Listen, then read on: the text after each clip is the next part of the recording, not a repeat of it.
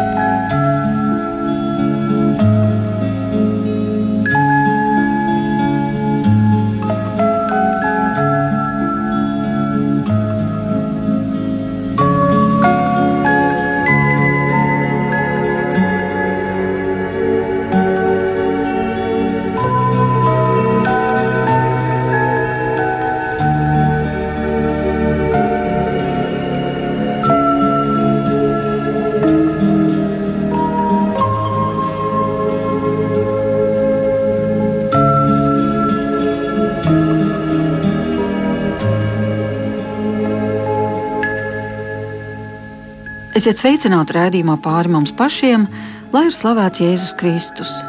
Studijā Inte Zēgnere par skanējumu rūpējas Iveta Zvēniece, un jādomā, ka šajās dienās mēs asāk un skaudrāk nekā jebkad izjūtam vārda dzīvība jēgu un šī vārda nozīmi.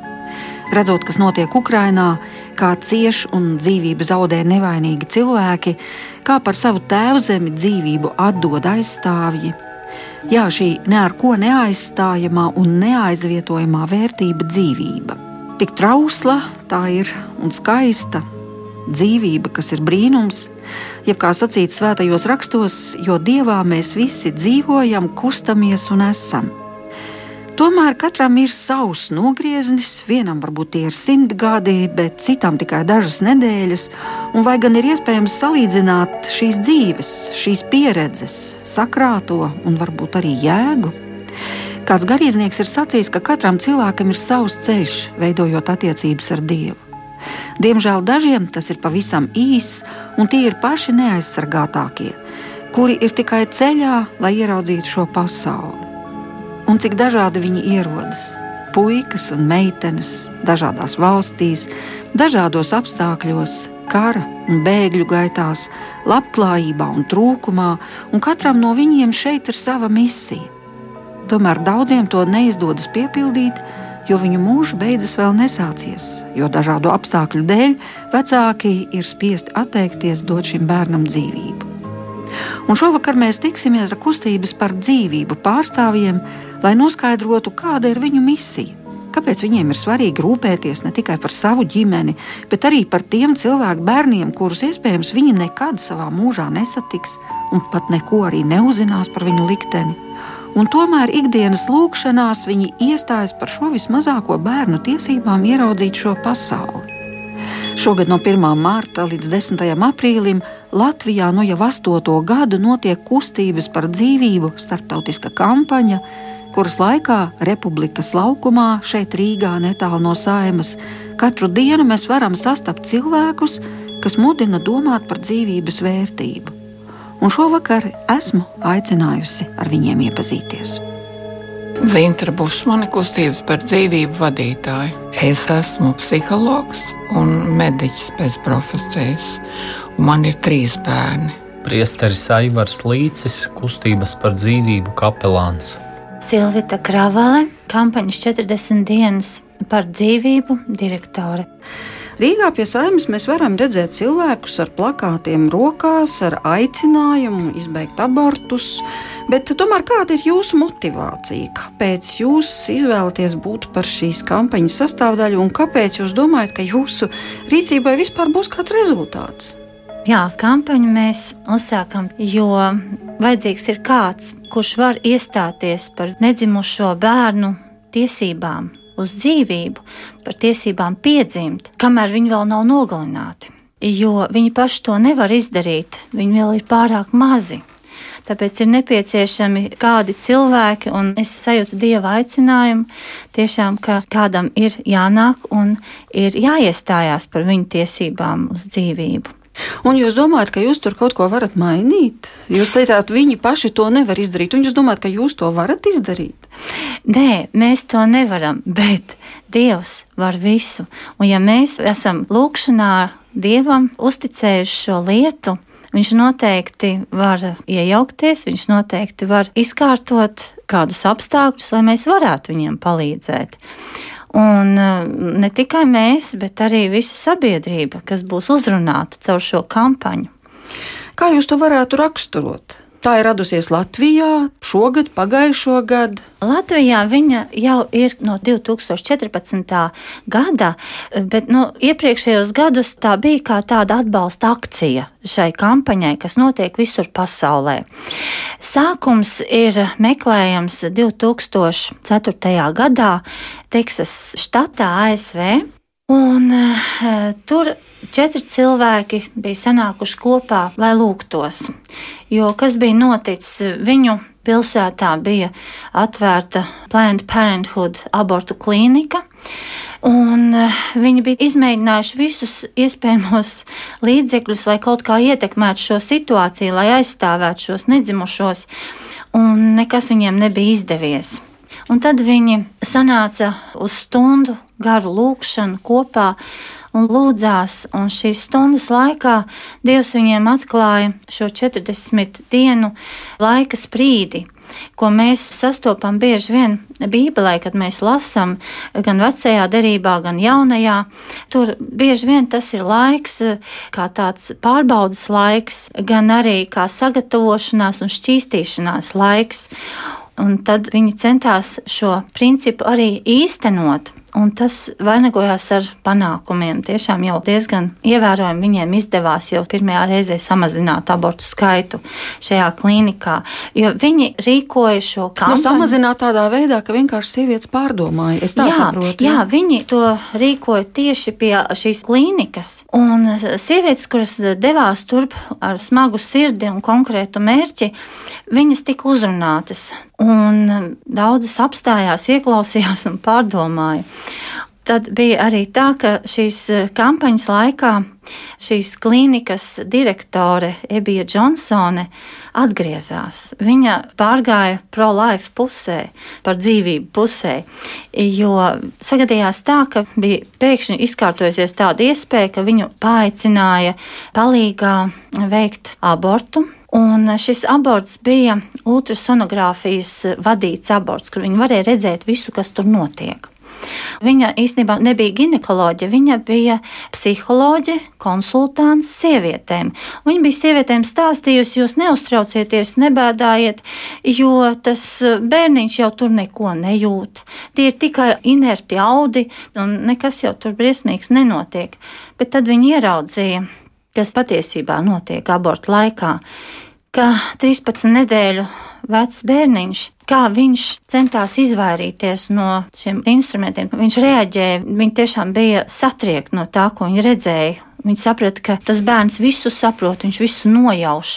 Un tad viņa saprata, viņa nevar vairs tā turpināt. Un viņa aizgāja no tās klīnikas un tieši nostājās žoga otrā pusē. Tur bija tāds žoks apkārt, kur aiz tā žoga kampaņas 40 dienas par dzīvību dalībnieki lūdzās un uzrunāja sievietes, un viņa kļuva viena no viņiem.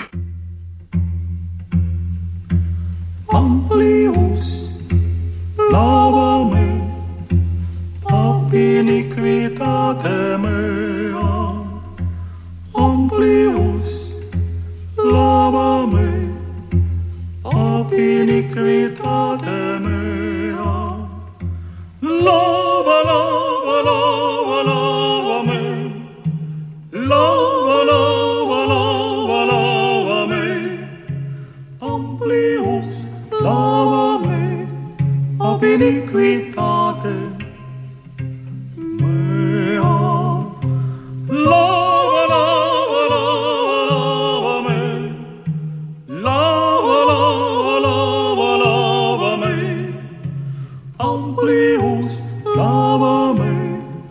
ab iniquitate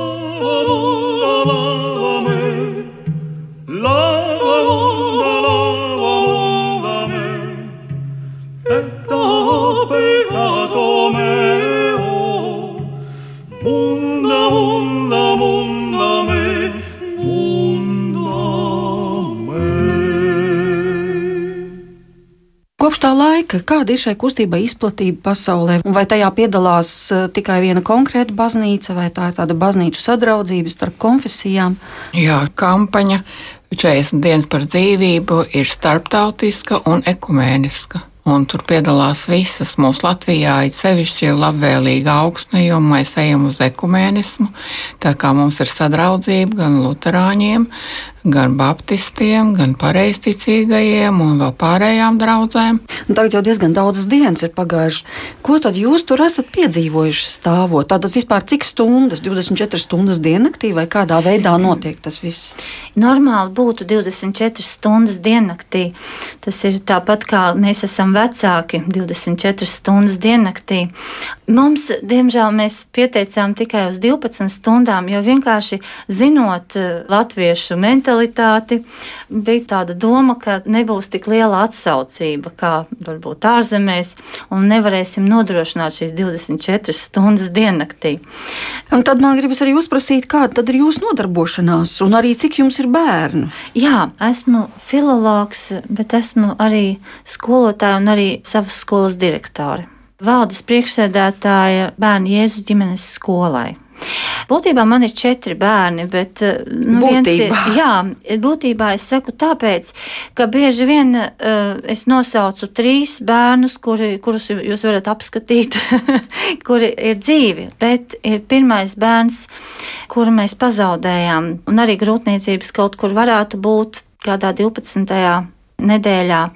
Mēs pazaudējām grūtniecību. Es atceros to, cik ļoti mēs ar vīru bijām izmisuši un kā mēs raudājām tajā slimnīcā, kad mēs ultrasonogrāfijā dakteris teica, ka viņš nedzird tām bērnam sirdspūkstus vairs. Un, un piedzīvojot eh, tik dziļas skumjas, es sapratu to, ka jo dziļākas skumjas varētu būt sievietēm, kuras varbūt šo lēmumu ir pieņēmušas tīši, kurām nav tas bijis spontānais aborts, bet ar nodomu, jā, kad ir kaut kādi apstākļi bijuši, kas viņus ir, ir spieduši uz to. Bet, tāda tukšuma sajūta. Es domāju, ka klāt vēl nāk kāda vainas apziņa, jo pat mēs tur nebija mūsu tāda vēlme, ka viņš aizietu bojā. Tas bērniņš, mēs bijām septiņus gadus gaidījuši bērniņu, piesakāmies, mēs bijām neauglīgs pāris, un nu, viņš bija klāt, un mums no viņa tik ātri vajadzēja šķirties. Tas bija tik liels zaudējums un arī vainas apziņa. Mēs joprojām ar vīru pārunājam, bet ko mēs izdarījām nepareizi. Varbūt, ka mums vajadzēja citu doktori.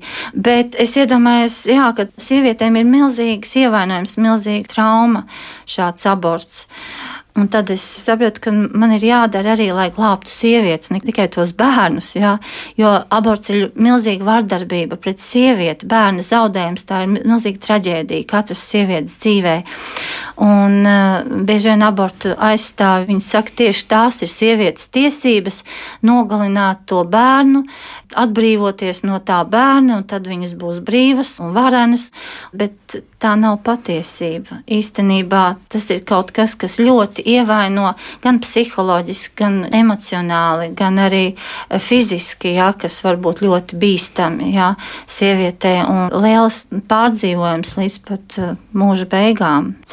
Bet eh, es tomēr gribu atgriezties pie tās Rīgas situācijas, kad jūs tur stāvat ar plakātiem un tā tad cenšaties uzrunāt ko saimnes deputātus, kāds pie jums arī atnāk parunāties, vai kāda ir tā komunikācija ar cilvēkiem, kā viņi reaģē, ko viņi Jā. saka. Pirmkārt, ko mēs gribam uzrunāt, mēs gribam Dievu pielūgt. Tur pie saimas pielūgt Dievu un tiešām atbrīvot viņa spēku šajā situācijā. Mēs lūdzam, lai Dievs apskaidro sirdis un prātus un tiešām piepild mūs ar mīlestību. Vecākiem uz saviem bērniem, bērniem uz saviem vecākiem, politiķiem uz savu tautu, doktoriem uz saviem pacientiem un tā tālāk. Tiešām Dievs piepilda sirdis ar mīlestību un apskaidro, ko tad īsti darīt. Un tas ir pirmais. Otrais ir tas, ka mums ir jāinformē sabiedrība. Arī saima, arī garām gājieni 40 dienas par dzīvību tiek reklamētas tagad starptautiskā līmenī. Bet mēs saimai atgādinām mūsu satversmes 93. pantu, kas nosaka, ka ikvienam ir tiesības uz dzīvību mūsu valstī un ka šīs tiesības aizsargā likums. Arī to, ka pat Pasaules veselības organizācija ir atzinusi, ka cilvēka dzīvības iesākums ir ieņemšanas brīdis. Tas nozīmē, ka šis 93. pāns, kas aizsargā mūsu tiesības uz dzīvību, attiecas arī uz nedzimušajiem. Tā jau nav politiska kampaņa, tas mums tiešām Jā, ir tā ir lūkšana kampaņa Tā ir vispirms. kampaņa. Jā. Un tomēr mums daži deputāti ir atnākuši pie mums parunāties. Es, starp citu, Facebookā lasīju arī dažādas atsauksmes par to, un viena bija ļoti interesanta, kurā tika teikts, ka Latvijas Republikas civila likuma 386. pantā ir teikts, ka uz mantojuma atklāšanās brīdi ieņemta persona var mantot, pat ja tā vēl nav piedzimusi. Tātad bērns vēl tikai ir ceļā uz šo pasauli, bet viņš jau ir mantinieks. Un tad tālāk eh, tur bija tāda diskusija Facebookā, kur nākošā rakstītāja secināja, ka tātad, ja sieviete veic abortu, tad viņa nogalina savu mantinieku. Bet juridiski cilvēks ir mantinieks, pat ja viņš vēl nav piedzimis.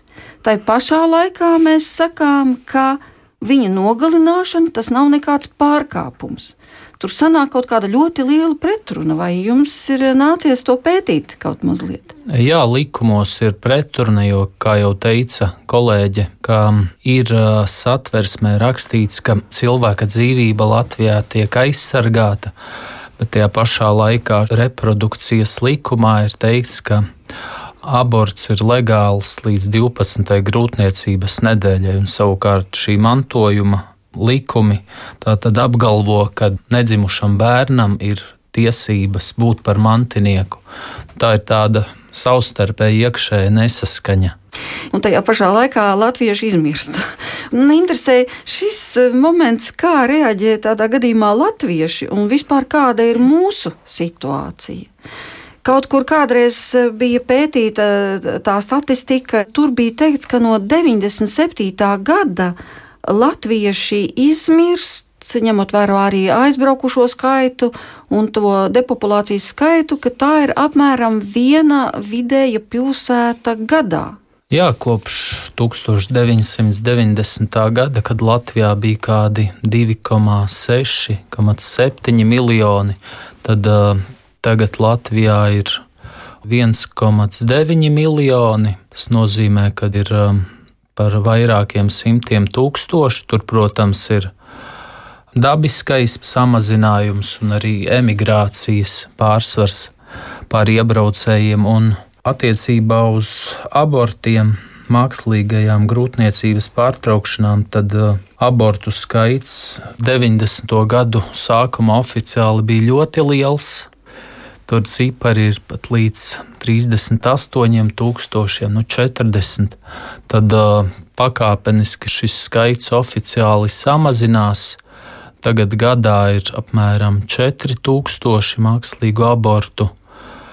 Uh, bet uh, nu, sanāk, ka kopš Latvija ir neatkarīga, tas iedzīvotāju skaits, kas ir pazudis, nu, tas samazinājums apmēram tikpat arī daudz ir izdarīti tie aborti.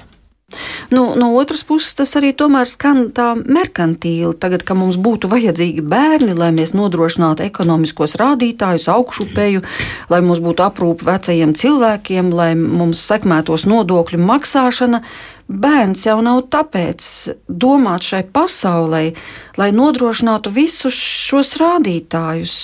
Bērns tas ir kaut kas sakrāls.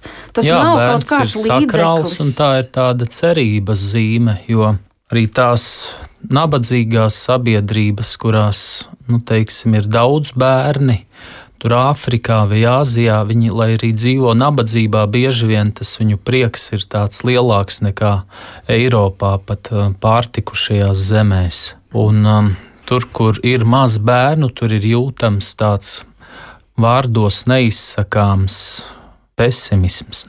Kā tad reaģē latvieši uz šo jūsu aicinājumu saglabāt dzīvību, dot dzīvību, lūgties par dzīvību? Ļoti dažādi.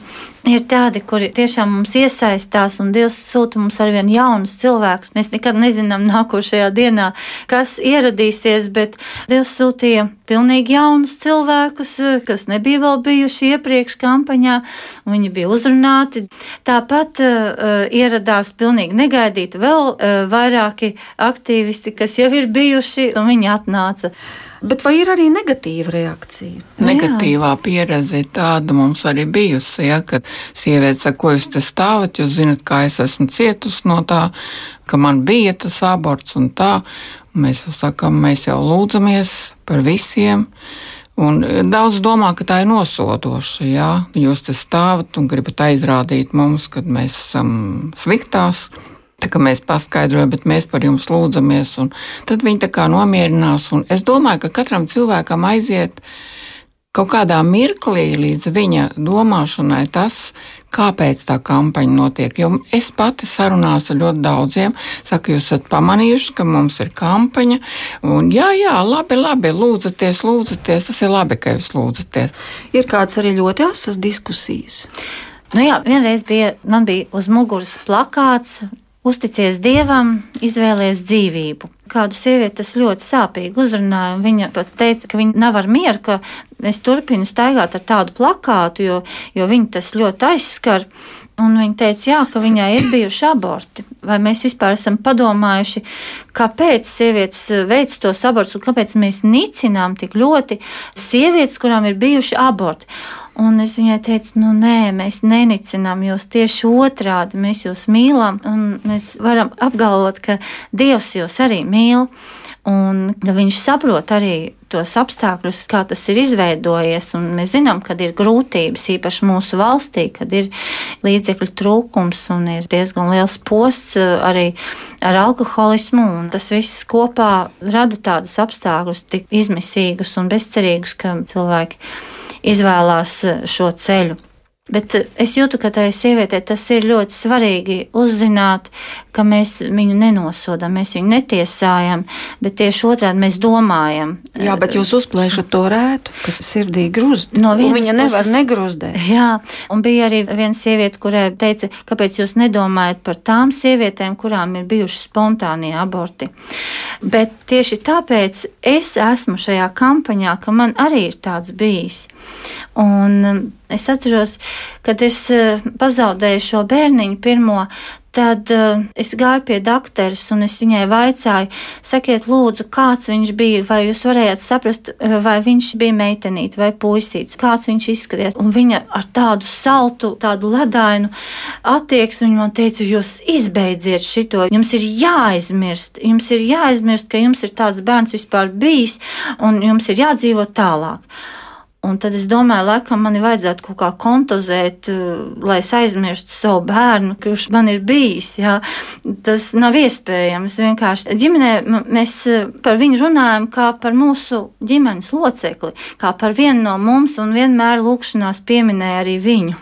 Un mēs vienmēr zinājām, ka viņš ir debesīs un viņš arī par mums aizlūdz.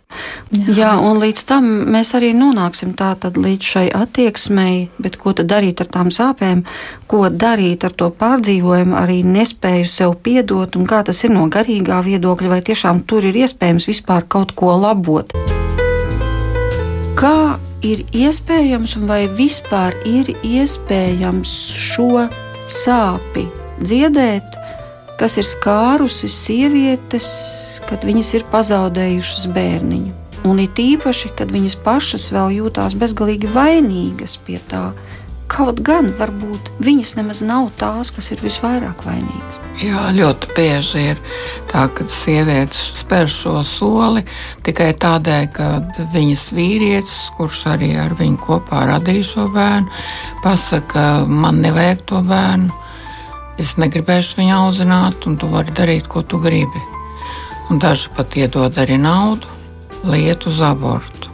Un tad ir tas moments, kad tai sievietei, ja viņa ir vientuļa un viena, viņai nav palīgi, kas varētu viņai palīdzēt, tad uh, viņa arī varbūt arī aiziet uz abortu. Bet ir tas, kad ir kustība par dzīvību, kurā mēs tieši darbojamies šajā jomā, un mums ir daudz māmiņas nākušas, topošās māmiņas ar jautājumu, ko man darīt. Es nevarēšu to bērnu uzaudzināt, jo man nav ne naudas, ne man blakus ir kāds cilvēks.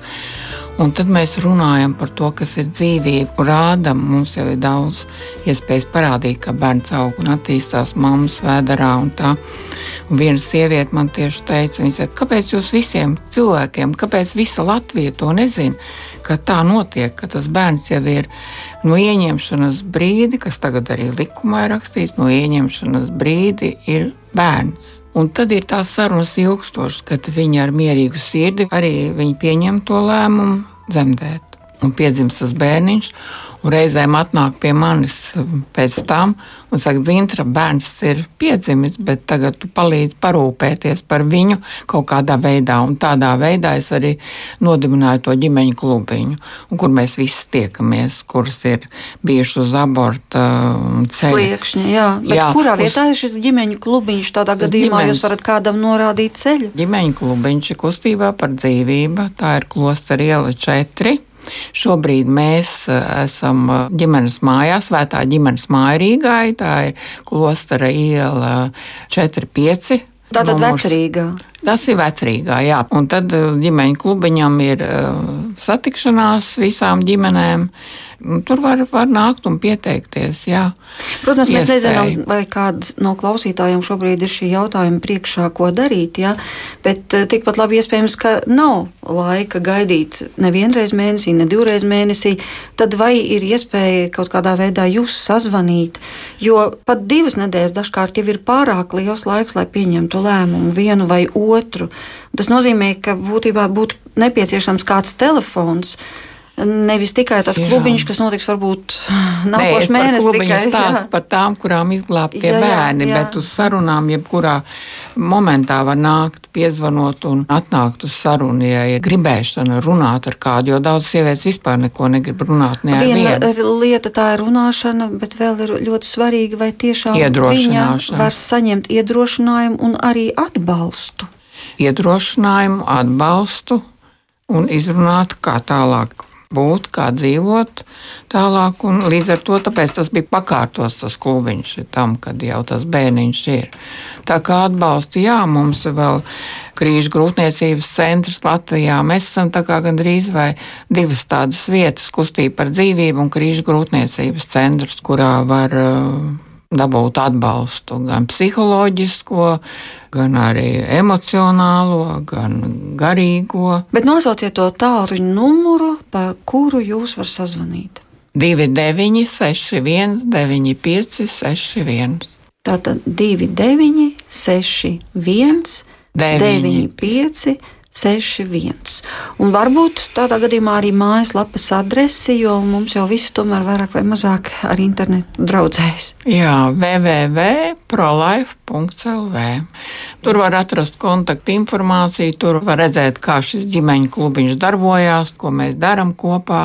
Var nākt māmiņas, kurām ir bērniņi jau, viņas jūtās vientuļas, kuras grib kopā būt ar pārējām sievietēm. Un ģimeņa klubiņš ir tāpēc, ka mums mums arī ir uh, tēvi. Mēs neesam tikai, mēs nevaram teikt, māmiņa klubiņš, atnāk tēvs ar četriem bērniem. Nu, kāds tur māmiņa klubiņš, mm. tātad tas ir ģimeņa klubiņš.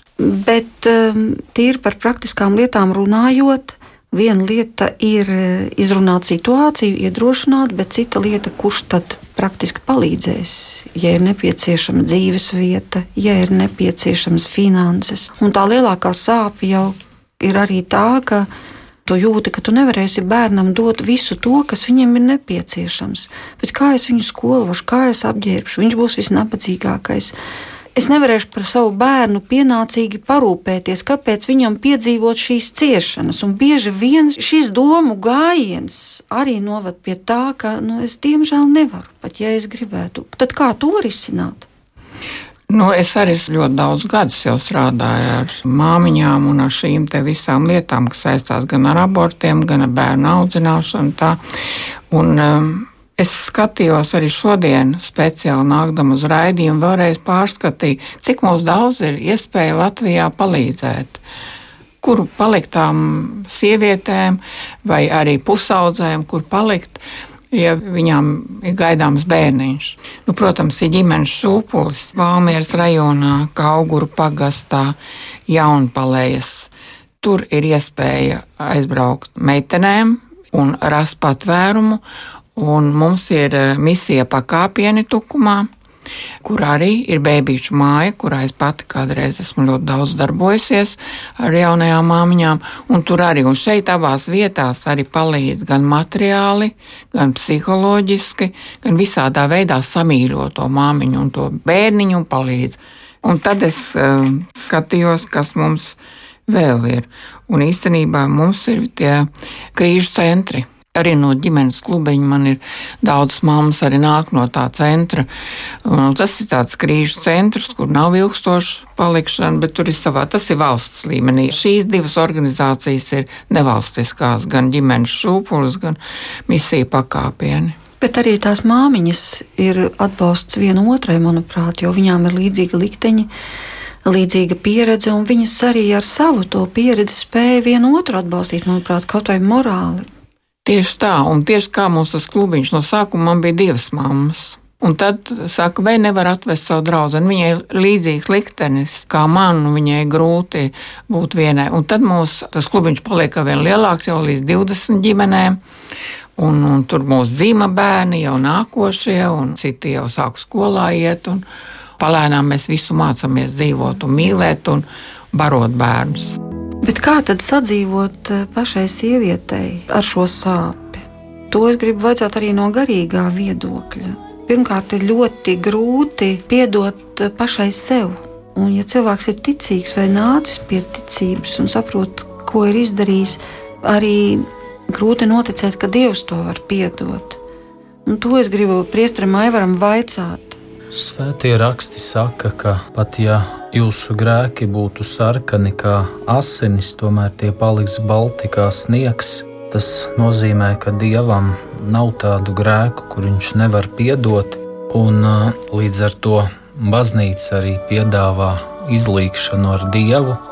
Nu, Katoļu baznīcā tas ir grēksūdzes sakraments, un daudzi cilvēki, kuri pat ir bijuši šajā abortu biznesā, un arī tie, kuriem pašiem ir bijis aborts, viņi ir caur šo krīzi, caur sāpēm, viņi ir atgriezušies pie dieva un arī saņēmuši izlīgšanu tieši grēksūdzes sakramentā. Un tas ir viens no tādiem līdzekļiem, kā var atrast kaut kādu mierinājumu. Protams, tās brūces, viņas varbūt nav tikai tīri caur grēksūdzi remdējamas. Nu, te ir vieta terapijai, psiholoģiskai palīdzībai, jo šīs lietas ir jāizrunā, lai varētu paskatīties no malas. Bet te ir ļoti daudz jautājumu, par kuriem Silvija jau arī minēja. Pirmkārt, kas viņš bija tas mans bērns? Puika vai meitene? Otrkārt, kur viņš tagad ir? Nu, Kristīts par, to, netika. par to, kur viņš ir, tur ir bijušas gadsimtu gaitā visādas spekulācijas un hipotēzes, bet tas, ko baznīca ir definējusi, kā baznīca paļaujās uz dieva žēlsirdību, ka arī tiem, kas ir nomiruši bez kristības, ka viņi tiks pestīti, viņiem būs dzīve mūžībā. Jo viņu vaina tur nav nekāda. Un tieši tā, tas viņi ir vismazāk vainīgie upuri. Jā. Bet um, kā lai lūdz atdošanu? Viņam taču vajadzētu lūgt atdošanu. Jā, priesteris ir Jēns Veto no franču kopienas Šemenef. Man toreiz mani mierināja tā, viņš ieteica dot viņam vārdu. Un ieteica, lai tas ir vārds, kas dara abiem dzimumiem. Mēs lūdzāmies ar vīru, mēs lūdzāmies un mēs saņēmām to vārdu. Mēs arī tā viņu arī nosaucām. Un tad otra lieta ir tā, ko man ieteica ļauties asarām, vienkārši izraudāties par notikušo un, un, un neslāpēt tās, nenoliegt, ka viņš nav nekad bijis, kā man ieteica doktori, jā, tā kā nenocietināties, bet tieši otrādi ir ļoti svarīgi apraudāt. Vai arī, ja viņam, ja tiešām tas ir bijis tīši īsts aborts, jā, mēs pat lūdzām piedošanu. Mēs nezinājām, ko tieši mēs nepareizi esam izdarījuši, bet tik un tā mēs lūdzām piedošanu, ka mēs viņu nenosargājām. Es domāju, arī varbūt vecākiem, kas to ir izdarījuši tīši, jo īpaši ir jālūdz piedošana arī saviem bērniem. Un vēl viena uh, brīnišķīga lieta notika Saldū, kad mums bija kopienas efata rekolekcijas. Toreiz tika piedāvāts, ka bija tāds aizlūgums par visiem tiem, kuri ir aizgājuši no šīs dzīves pirms viņi paspēja būt kristīti. Tā ir brīnišķīga tiešām pieredze, gan mēs visi, kas apzināmies tādus bērniņus, kas nav saņēmuši to šo kristības sakramentu. Tas bija tāds aizlūgums, ka mēs uzticējām Dieva žēlsirdībai šos bērnus un lūdzām, lai Jēzus Kristus, lai viņus tādā ilgu kristībā, lai nokristu un viņiem arī sagādāt tās pašas žēlastības, ko saņem kristītie bērniņi. Mums tiešām tad ienāca miers mūsu sirdī, kad uh, mēs esam darījuši visu, lai viņš saņemtu visas iespējamās žēlastības. 28. decembrī ir uh, nevainīgo bērniņu mocekļu piemiņas diena, un tie ir tie bērni, kurus lika nogalināt Hērods, kad viņš gribēja nogalināt Mēsiju jaunpiedzimušo. Šie bērni ir svētie, viņi nomira par Kristu. Un daudz arī tos bērnus, kas nomirst abortos, viņus sauc par mūsdienu mocekļiem. Tā kā gan jau, ka viņi arī ir debesīs. Bet tik un tā vienmēr pastāv šis jautājums, ko man tagad darīt. Pirmkārt, jau man liekas, visvairāk mocošais jautājums ir tas, ka Dievs to nevar piedot. Un Bībelē ir rakstīts, ka slepkavas nemantos debesu valstību. Un tad šī sieviete jūtās tā, ka viņai ir aizslēgtas durvis uz debesīm, jo toreiz viņa izdarīja tā. Tad cik teoloģiski vispār pamatoti tas ir? Kristieši vairāk vai mazāk zina, ka tas, kurš apsūdz, apsūdzētājs, tā balss, ja ir cilvēkam, ka Dievs nevar piedot šādu grēku, tā balss diezgan skaidri no ļaunā. Jo nu, ļaunais grib ievest izmisumā cilvēku. Un tāpēc vajag vienmēr atcerēties, būt nomodā, ka šādas domas nāk. Tur, protams, ir šis ievainojums, bet nu, ļaunais darbojas caur to, un tas ir jāapzinās pirmkārt. Bet tik un tā vēl pastāv jautājums, ko vēl iespējams darīt?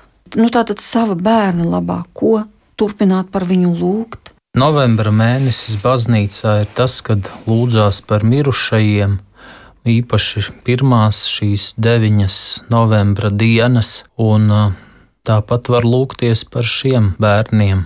Bet ir arī garīga adopcija, vai jūs varētu dažus vārdus par to pateikt? Jā, garīga adopcija ir tāds pasākums, kas ir radies Polijā, Paulīniešu ordenī. Un tas nozīmē, ka deviņus mēnešus katru dienu lūgties par kādu nezināmu bērnu nedzimušu, kura dzīvībai draud briesmas. Un tas ir svēts solījums, kuru cilvēks var uzņemties. Un tad, kad uh, viņš ir palūdzies deviņus mēnešus, tad kaut kur pasaulē piedzimst kāds bērns, kurš varēja nākt pasaulē tieši pateicoties atbalstā no šīm lūkšanām. Un šī lūdzēja iespējams nekad mūžā viņu nesatiks un pat neuzzinās. Noteikti. Bet tajā jā. pašā laikā varbūt debesīs kādreiz viņi satiksies. Jā, jā. Citreiz arī, kad ir šie deviņi mēneši lūgts, tad tieši tajā laikā, kad tas beidzas, tad notiek kaut kādi zīmīgi notikumi, un tad tu redzi starp to saistību, lūgšanas periodu un starp to, kas vai nu kāds piedzimst tuvinieku lokā, Radu lokā pēkšņi parādās jauna dzīvība. Arī Jā. tā, jā. Jā.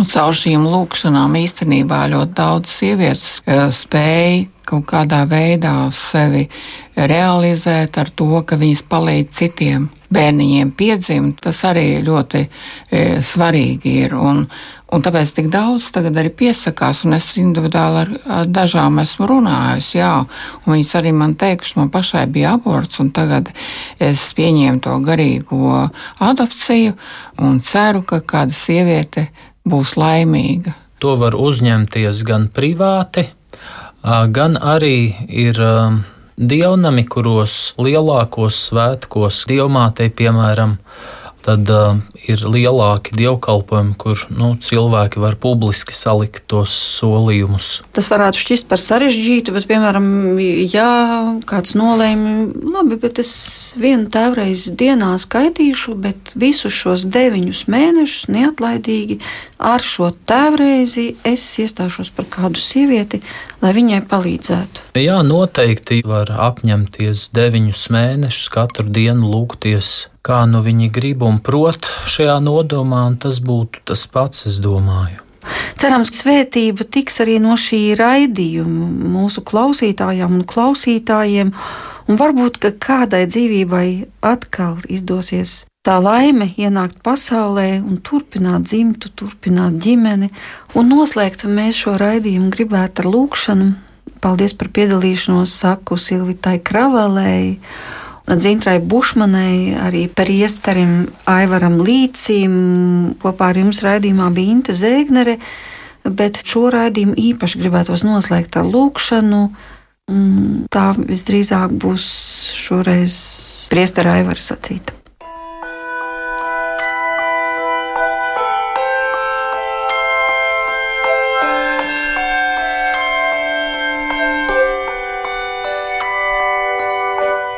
Paldies, Kungs, ka Tu šovakar mūs sapulcēji uz šo raidījumu.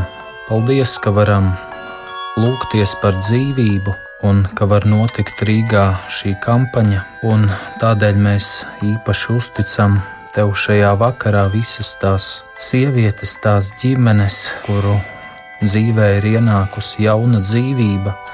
Lūdzam, lai tiem, kuriem ir šaubas, bailes, lai Tu ienes savu mieru paļāvību un dāvā kungs arī prieku par jaunu dzīvību tām ģimenēm, kurās bērnu gaida, bet nevar sagaidīt. Lūdzam arī kungs par ārstiem, kuru rokās ir dzīvība, lai tie dzīvību uztur un rūpējas.